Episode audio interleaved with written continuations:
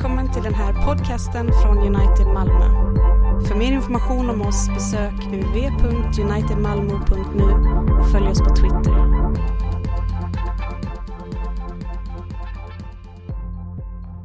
Låt oss förbli ståendes så ska vi lyssna till dagens text ifrån Markus evangelium kapitel 8 och från vers 31.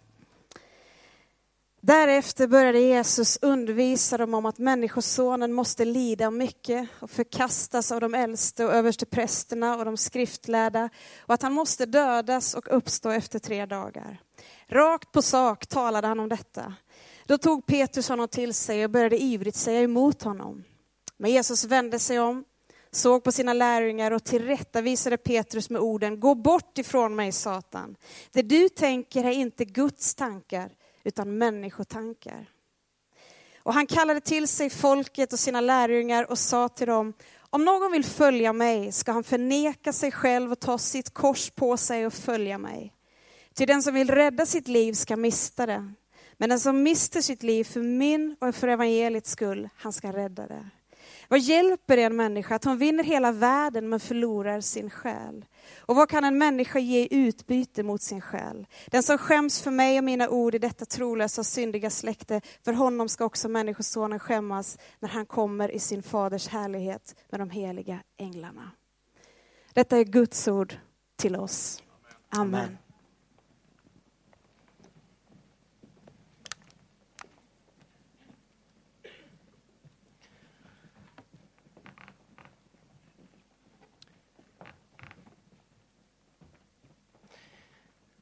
Vägskäl, härlighetens väg eller korsets väg. Den andra delen i eh, den serie som vi har. Men vi hoppas att detta inte ska bara vara en serie utan detta är någonting som vi bygger vår kyrka omkring. Eh, detta vi bygger våra liv på som troende och idag ska vi tala om framgång versus nederlag. Martin Luther han talade om korsets teologi versus härlighetens teologi. Han menar på att det är i Kristi kors som vi ser vem Gud verkligen är. Det är där vi får den klaraste bilden om vem Gud är, det är på Kristi kors. Och vi förstår också att det är Guds sätt att arbeta genom historien, genom korsets väg. De flesta människor söker Gud i glamour, glans och glitter. Men vi finner Gud i den stenen. Gud finns inte bortom molnen, men i dammet under våra fötter. Korsets teologi är där Gud säger det som det verkligen är. Det är korsets teologi. Och där han avslöjar sanningen om sig själv, vem han är och vilka vi är. Det innebär att korset inte är bara en historisk engångshändelse där Gud försonar våra synder. Utan detta är på det sättet som han arbetar genom hela vår historia och mänskligheten. Detta formar hela vår teologi och vår syn på Gud när vi förstår korsets teologi. Det är ett teologiskt ramverk och en lins genom vilket vi ser all teologi igenom.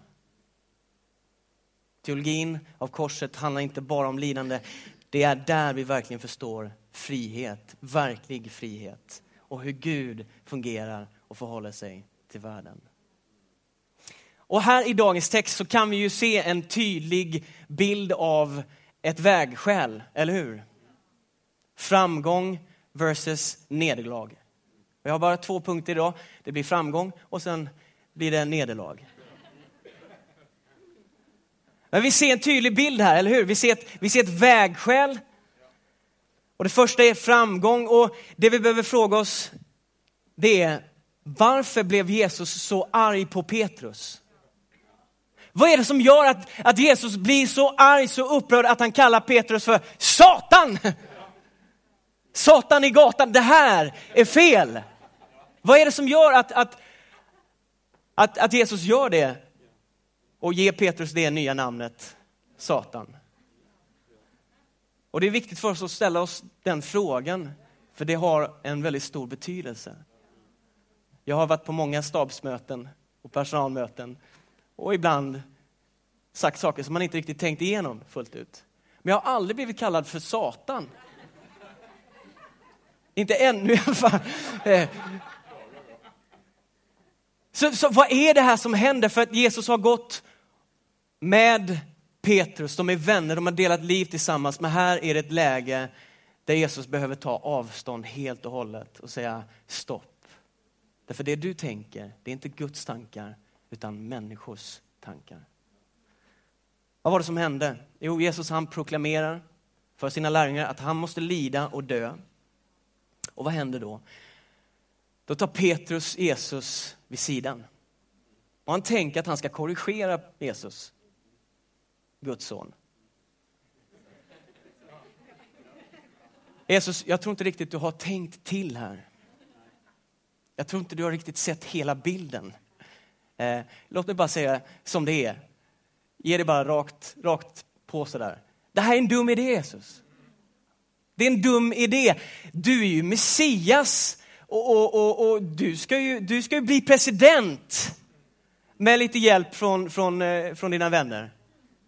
Och det, det jag tror Petrus inte bara tänker på här att Jesus Kristus, det ser inte bra ut för dig om du går och dö. Dör på korset, det ser inte bra ut. Utan det jag tror som är någonting som drev Petrus, som jag tror driver oss många gånger i vår vandring med, med Jesus Kristus, i vår tro, är att vi tänker det här nederlaget som vi är på väg in i, det gör att jag inte kommer se framgångsfull ut. Jag kommer, inte se, jag kommer inte se bra ut Jesus om du går och dör på ett kors. Vi har sålt liksom alla grejer som vi hade. Det var inte så mycket, han var fiskare. Men, men vi har sålt det och så har vi lämnat allt och följt dig. Och nu ska du gå och dö på ett kors. Det ser inte bra ut för oss alls överhuvudtaget. Jesus, vi måste, vi måste göra detta med makt Jesus.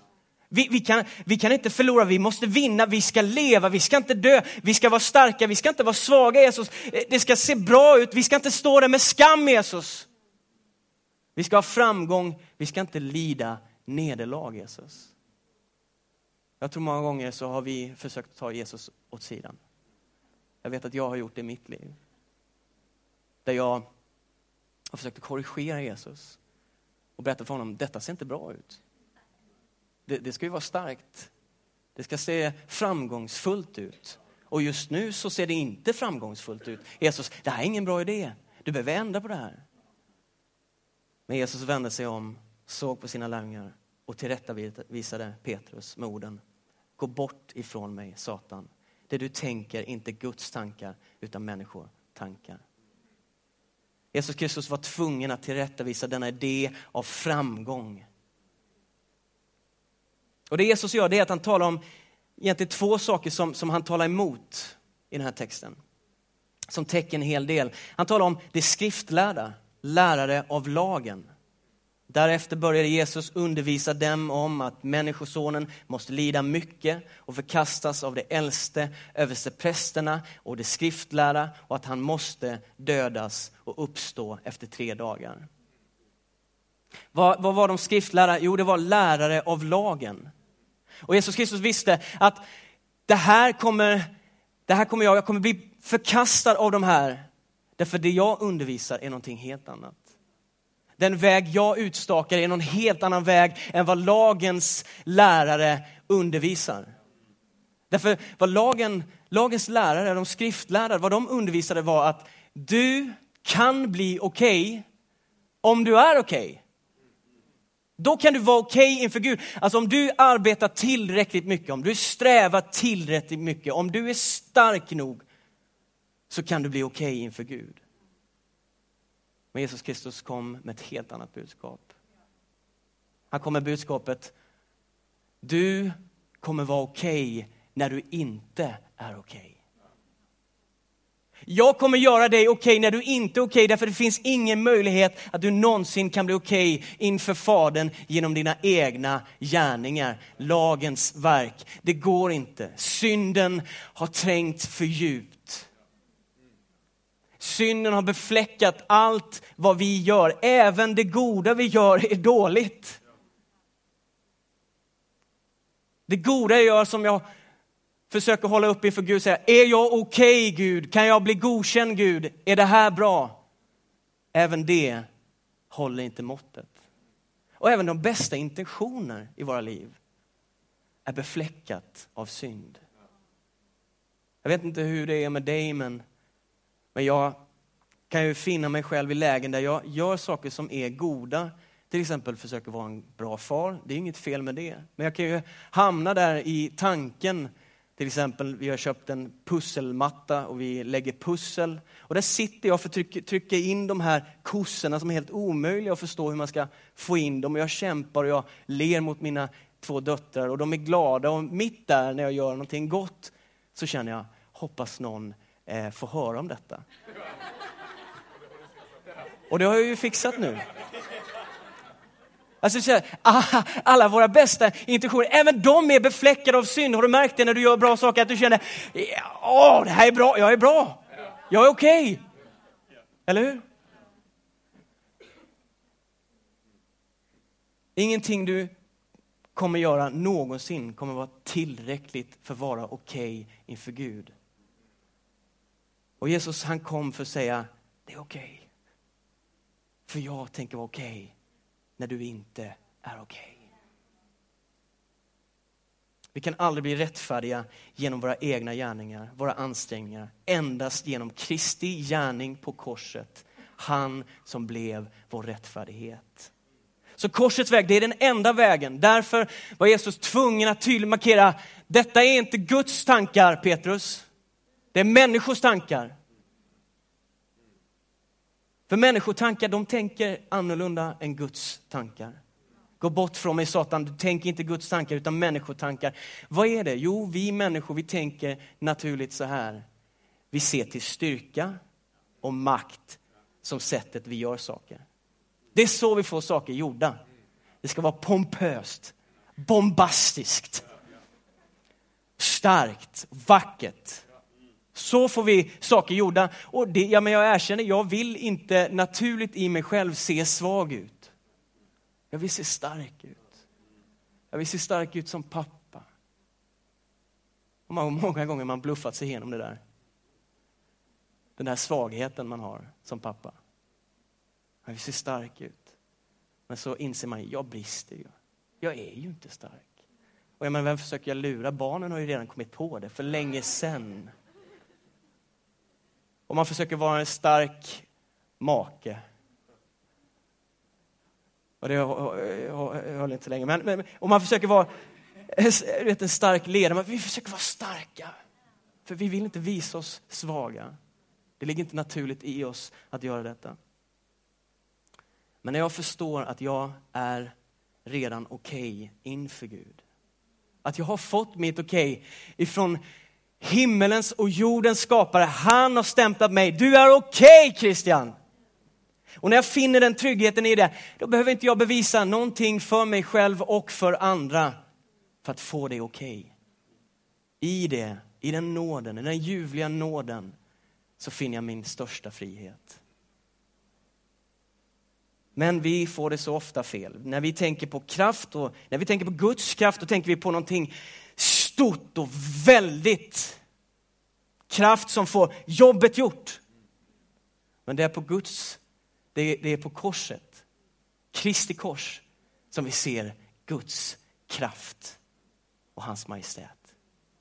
I det svagna, i det brutna, i den genomblödda Messias, det oskyldiga lammet som hänger på korset. Där ser vi Guds kraft manifesterad.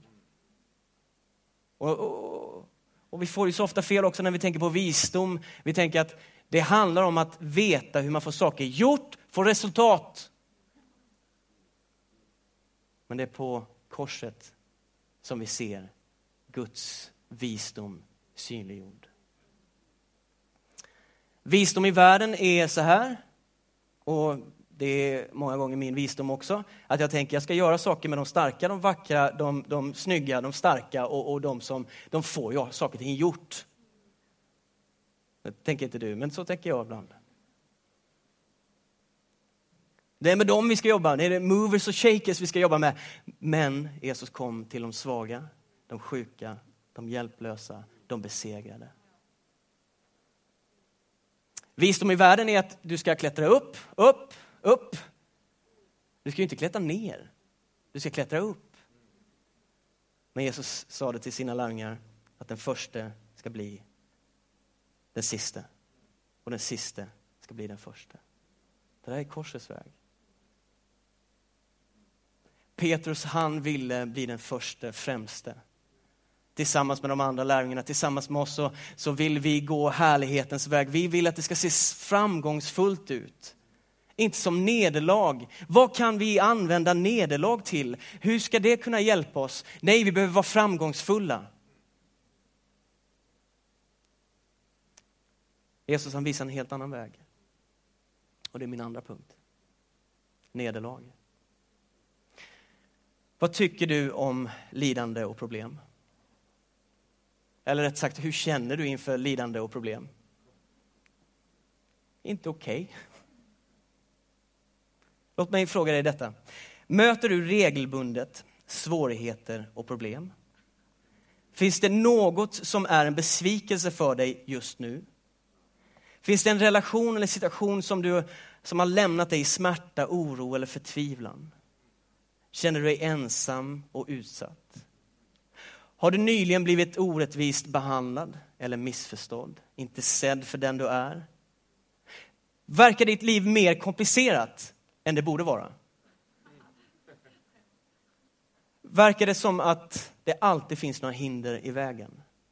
Stör det dig att även de saker i livet som ska vara lätta är inte närheten av så lätt som du tänkt dig?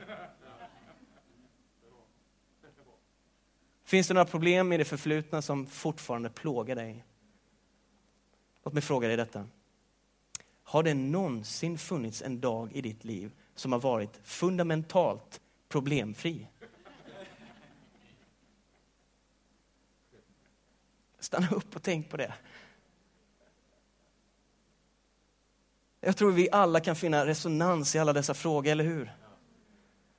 Och anledningen till att alla de här sakerna, utmaningar vi går igenom, är extra hårda och svåra, det är därför att vi har orealistiska förväntningar på livet. Och speciellt för oss troende. Vi har orealistiska förväntningar på hur ska livet bemöta oss? Och hur ska denna vår allsmäktige Gud som har frälst oss bemöta oss? Hur ska han verka i oss, bland oss? För vi står ju många gånger där du och jag, där vi tänker så här, när ska den här kristendomen liksom kicka in i mitt liv? Alltså, när, när, när, när, ska det, när ska det komma de här grejerna? Alltså, och vi, vi tänker så naturligt, men här har jag bett, här har jag gett, här har jag varit med. När ska liksom kristendomen kicka in?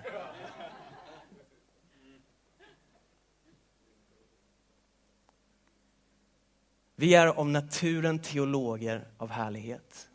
Och i våra hjärtan så tror vi att bra saker, det händer bra människor.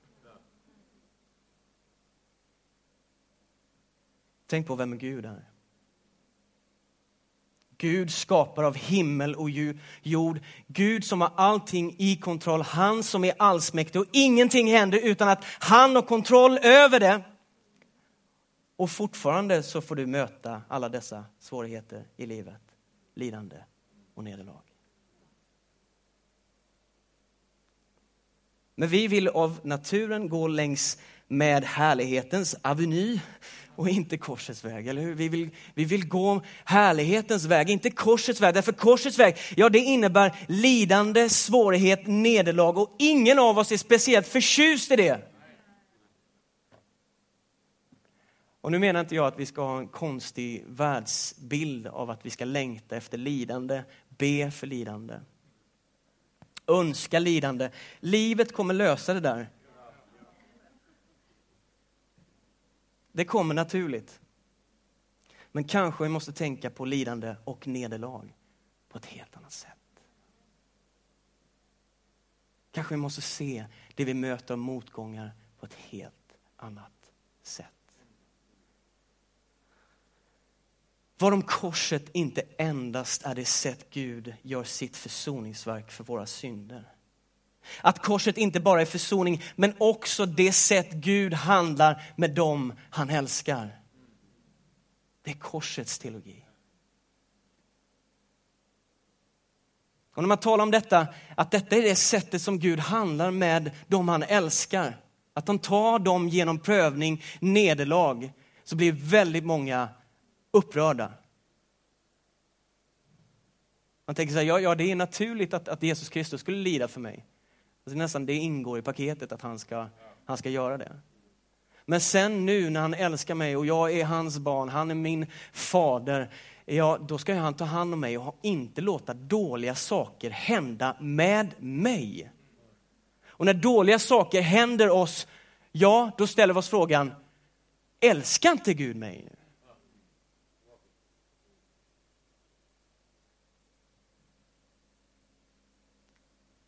Martin Luther han svarar den frågan på det här sättet.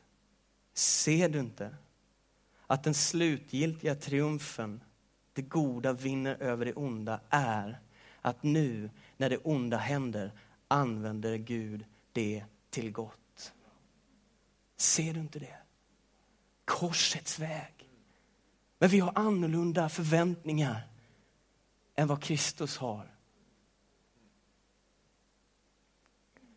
Folk frågar varför händer dåliga saker bra människor? Och vi tänker så naturligt, jag tänker så naturligt. Har jag bara lyckats samla min familj tre gånger i veckan eh, och, och måndag, tisdag, onsdag för bön, familjebön, då tänker jag per automatik, det är nu det ska hända.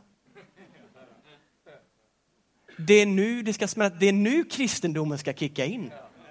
Det är nu de här grejerna ska komma. Det är nu miraklerna ska komma. Det är nu himlen är öppen. Vi tänker så naturligt, för att gör jag bra saker, då ska jag få bra saker. Varför händer det dåliga saker med bra människor? Martin Luther igen får vi vända oss till som svarar på det här sättet. Dåliga saker händer bra människor eftersom Gud försöker välsigna dem.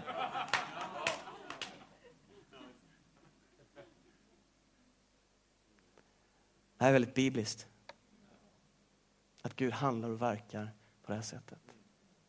Det är klart att det finns ett motstånd mot det. Både du och jag känner ett visst motstånd mot korsets teologi där vi kämpar och säger nej, det ska se framgångsfullt ut, det ska se starkt ut och det ska vara bra hela tiden. Jag ska ha mitt bästa liv just nu.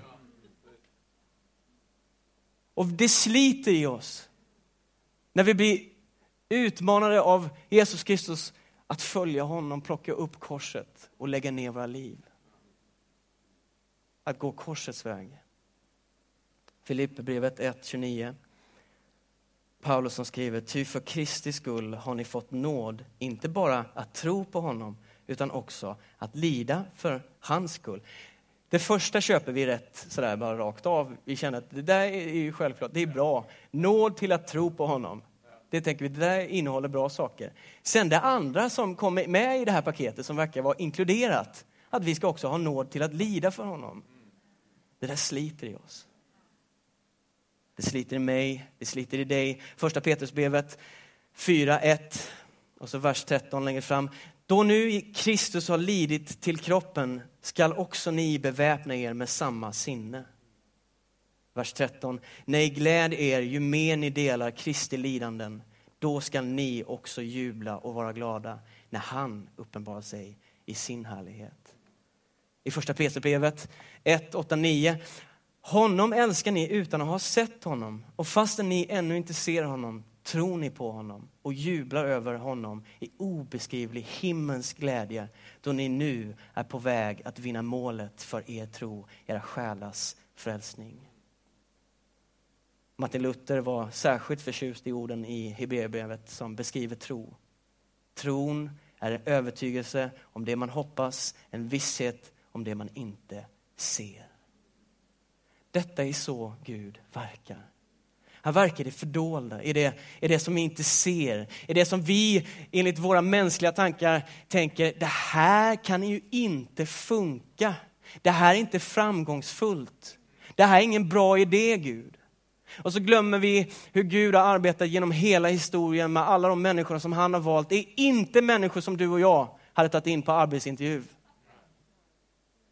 Vi kan springa över de här namnen om och om igen, patriarkerna, och vi kan tänka, oh, vilka killar! Abraham, fader Abraham. Och det är bra, vi sjunger sång om honom, vi hyllar honom. Men så missar vi vilka människor de här var. Människor som du och jag, syndare. Och du har hört det förut, men låt mig bara kort ta listan igenom. Noa, när man väljer honom, en syndare, en drinkare, en, en, en, en människa som, som Gud behövde rättfärdiggöra genom sin nåd enbart. Abraham, en avgudadyrkare, hedning, en notorisk lögnare.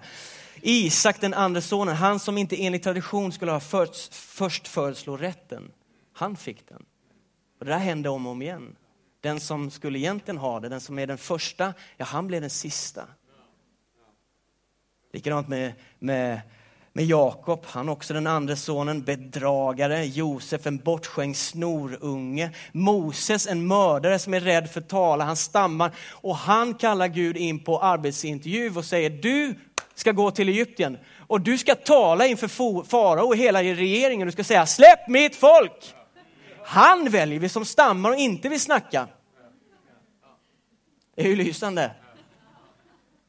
Gideon, den minsta och den svagaste i Israel av alla stammar. David, en äktenskapsbrytare och mördare. Vi kan gå on and on med hur Gud verkar genom historien. Säg inte någonting annat än att du ser korsets väg från blad 1 till det sista bladet i Bibeln. Och sen titta på vår frälsare. På korset. Är inte det det största nederlaget någonsin? Messia, Guds son, blir korsfäst. Kristus vann genom att förlora. Och vad vi behöver förstå är att vi är kallade till att efterlikna Kristus i hans ödmjukande här. I hans tjänande här. I hans utgivande här. Inte hans förhärligande. Jesus visade skarorna och lärjungarna korsets väg. Vi läser igen i texten. Och han kallade till sig folket och sina lärjungar och sade till dem, om någon vill följa mig ska han förneka sig själv och ta sitt kors på sig och följa mig. Ty den som vill rädda sitt liv ska mista det. Men den som mister sitt liv för min och för evangeliets skull, han ska rädda det. Vad hjälper det en människa att hon vinner hela världen men förlorar sin själ? Och vad kan en människa ge i utbyte mot sin själ? Den som skäms för mig och mina ord i detta trolösa och syndiga släkte, för honom ska jag också, Människosonen, skämmas när han kommer i sin faders härlighet med de heliga änglarna. Jesus Kristus han visar korsets väg för lärjungarna. Förneka sig själv. Och igen, det är ju helt motsatsen till vad, vad världen predikar och vad våra hjärtan predikar. Våra hjärtan predikar, nej hitta dig själv, utveckla dig själv, förbättra dig själv. Tro på dig själv, var stark i dig själv, främja dig själv. Och så kommer Kristus med en utmaning, så förneka dig själv. Och vad är det då att förneka sig själv? Det är att ge upp. Ge upp att försöka bli okej okay genom din egen starkhet, styrka och framgång och helt slänga sig på Kristus och säga att du Kristus är i kontroll och du är på tronen och jag ber att du ska vara på tronen i mitt hjärta. Att sätta evangeliet i centrum av allt och att framgång av evangelium är den ultimata glädjen och passionen i våra liv. Ty den som vill rädda sitt liv ska mista det, men den som mister sitt liv för min och för evangeliets skull, han skall rädda det. När vi förnekar oss själva, när vi förlorar våra liv för Jesus Kristus och evangeliet, så finner vi där verklig frihet. Det är där vi finner sann frihet. När vi möter Guds ovillkorliga kärlek blir vi fria att förlora. Fria att ödmjuka oss, fria att lägga ner vårt liv, fria att lägga ner argumenten, fria att slåss för vår egen sak. Vi blir fria att lägga ner våra liv och förlora dem i Kristus för att bli funna i honom. Vi blir fria att tjäna, ge, leda, hjälpa, älska, offra. Vi behöver inte bevisa någonting för någon, för dig själv eller för Gud. Vi är redan okej okay Därför Gud har gjort oss okej okay när vi inte är okej. Okay. Och detta är ingenting som vi kan göra av oss själva, utan endast genom Kristus, genom evangeliet, genom ordet och den heliga anden. Så detta är nu inte ett så eget projekt av självförbättring. Skärp dig nu. Det är lagen. Men nåden frigör dig. Det handlar om att vi är okej okay när vi inte är okej. Okay. Då är vi fria att leva ett korsmärkt liv. Där vi inte skäms för evangelium, korsets väg, utan omfamnar det med öppna armar. Och när folk anklagar dig för att tro på nåd och nåd alena så kan vi ropa, jag tänker inte skämmas för det. Jag tänker inte skämmas. Jesus, jag tänker inte skämmas för dig. Jag tänker inte skämmas för evangelium. Jag tänker inte skämmas på det sättet du har frälst mig och hur du kommer frälsa mig till slut. Att det inte handlar om vad jag har gjort, vad jag kommer göra, min styrka, utan enbart av din kraft, din nåd, din nåd alena. Det är mitt hopp. Jag tänker inte skämmas för det. För det finns ju många som kommer till oss och ifrågasätter, sätter, kan det inte finnas ett, ett men på det där, att du är okej? Okay? Alltså du kan ju inte bara vara helt förklara okej okay om du inte är okej, okay, så att säga. Det måste ju finnas män att du förbättrar dig själv, att du skärper till dig själv, att du får saker och ting liksom i ordning i ditt liv, att du ser lite starkare ut, lite mer framgångsfull ut. Nej! Nådens evangelium är att du är okej okay när du inte är okej. Och du kommer förbli så, inte okej, fast okej.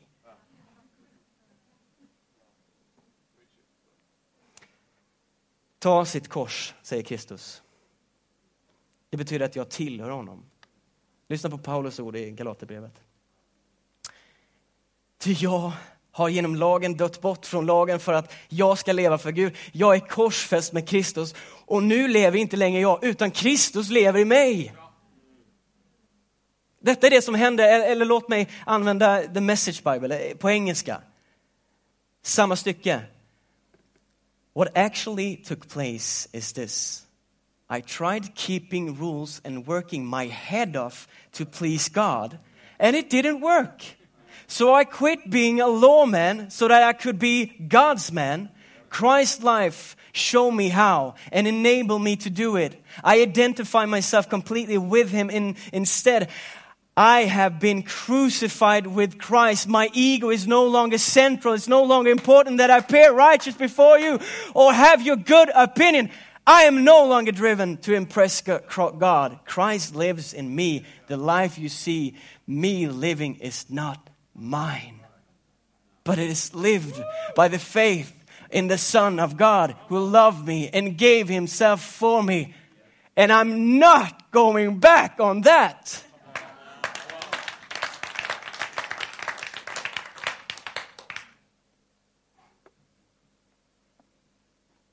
En teolog av korset lever i tro och icke i åskådning.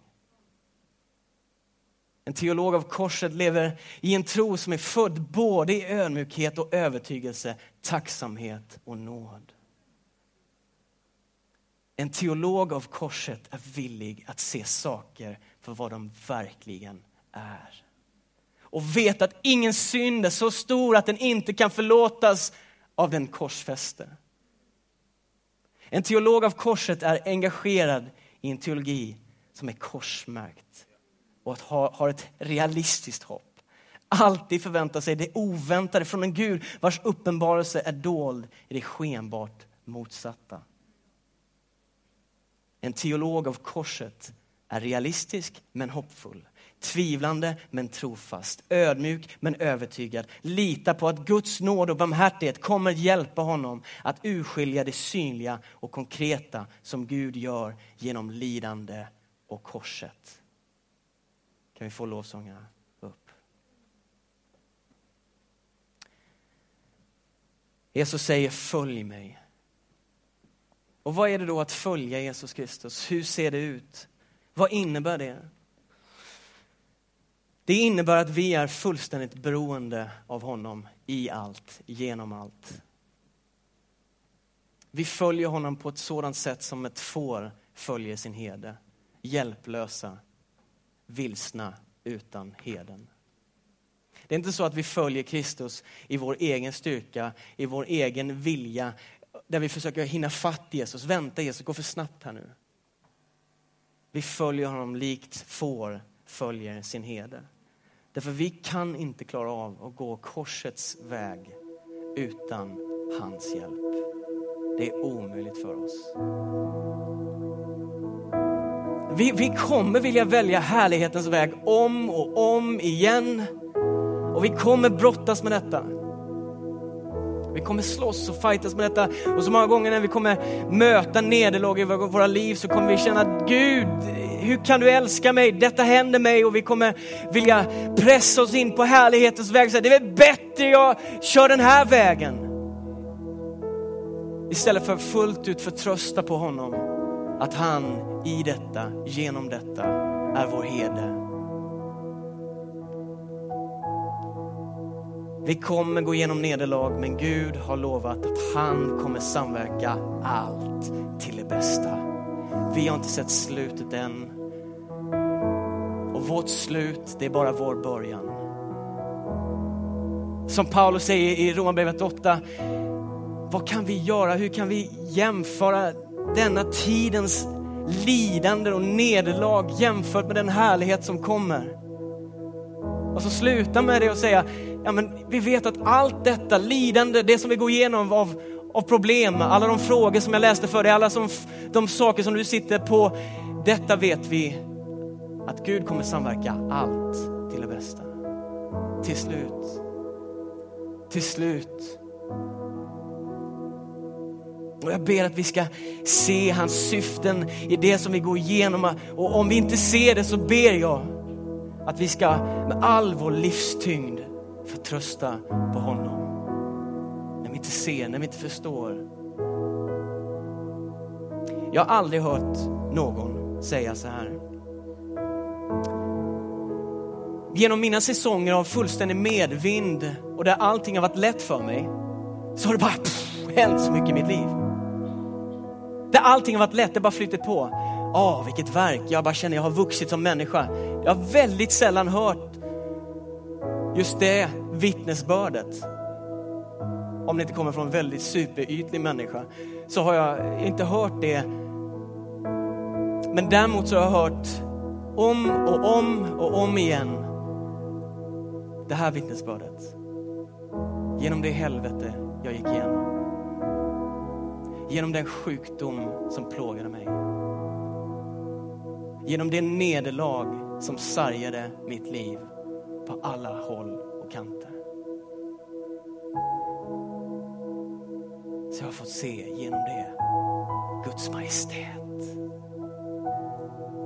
Och han har lett mig till en plats där jag, där jag förstår att han är allt och nog för mig. Det är korsets väg.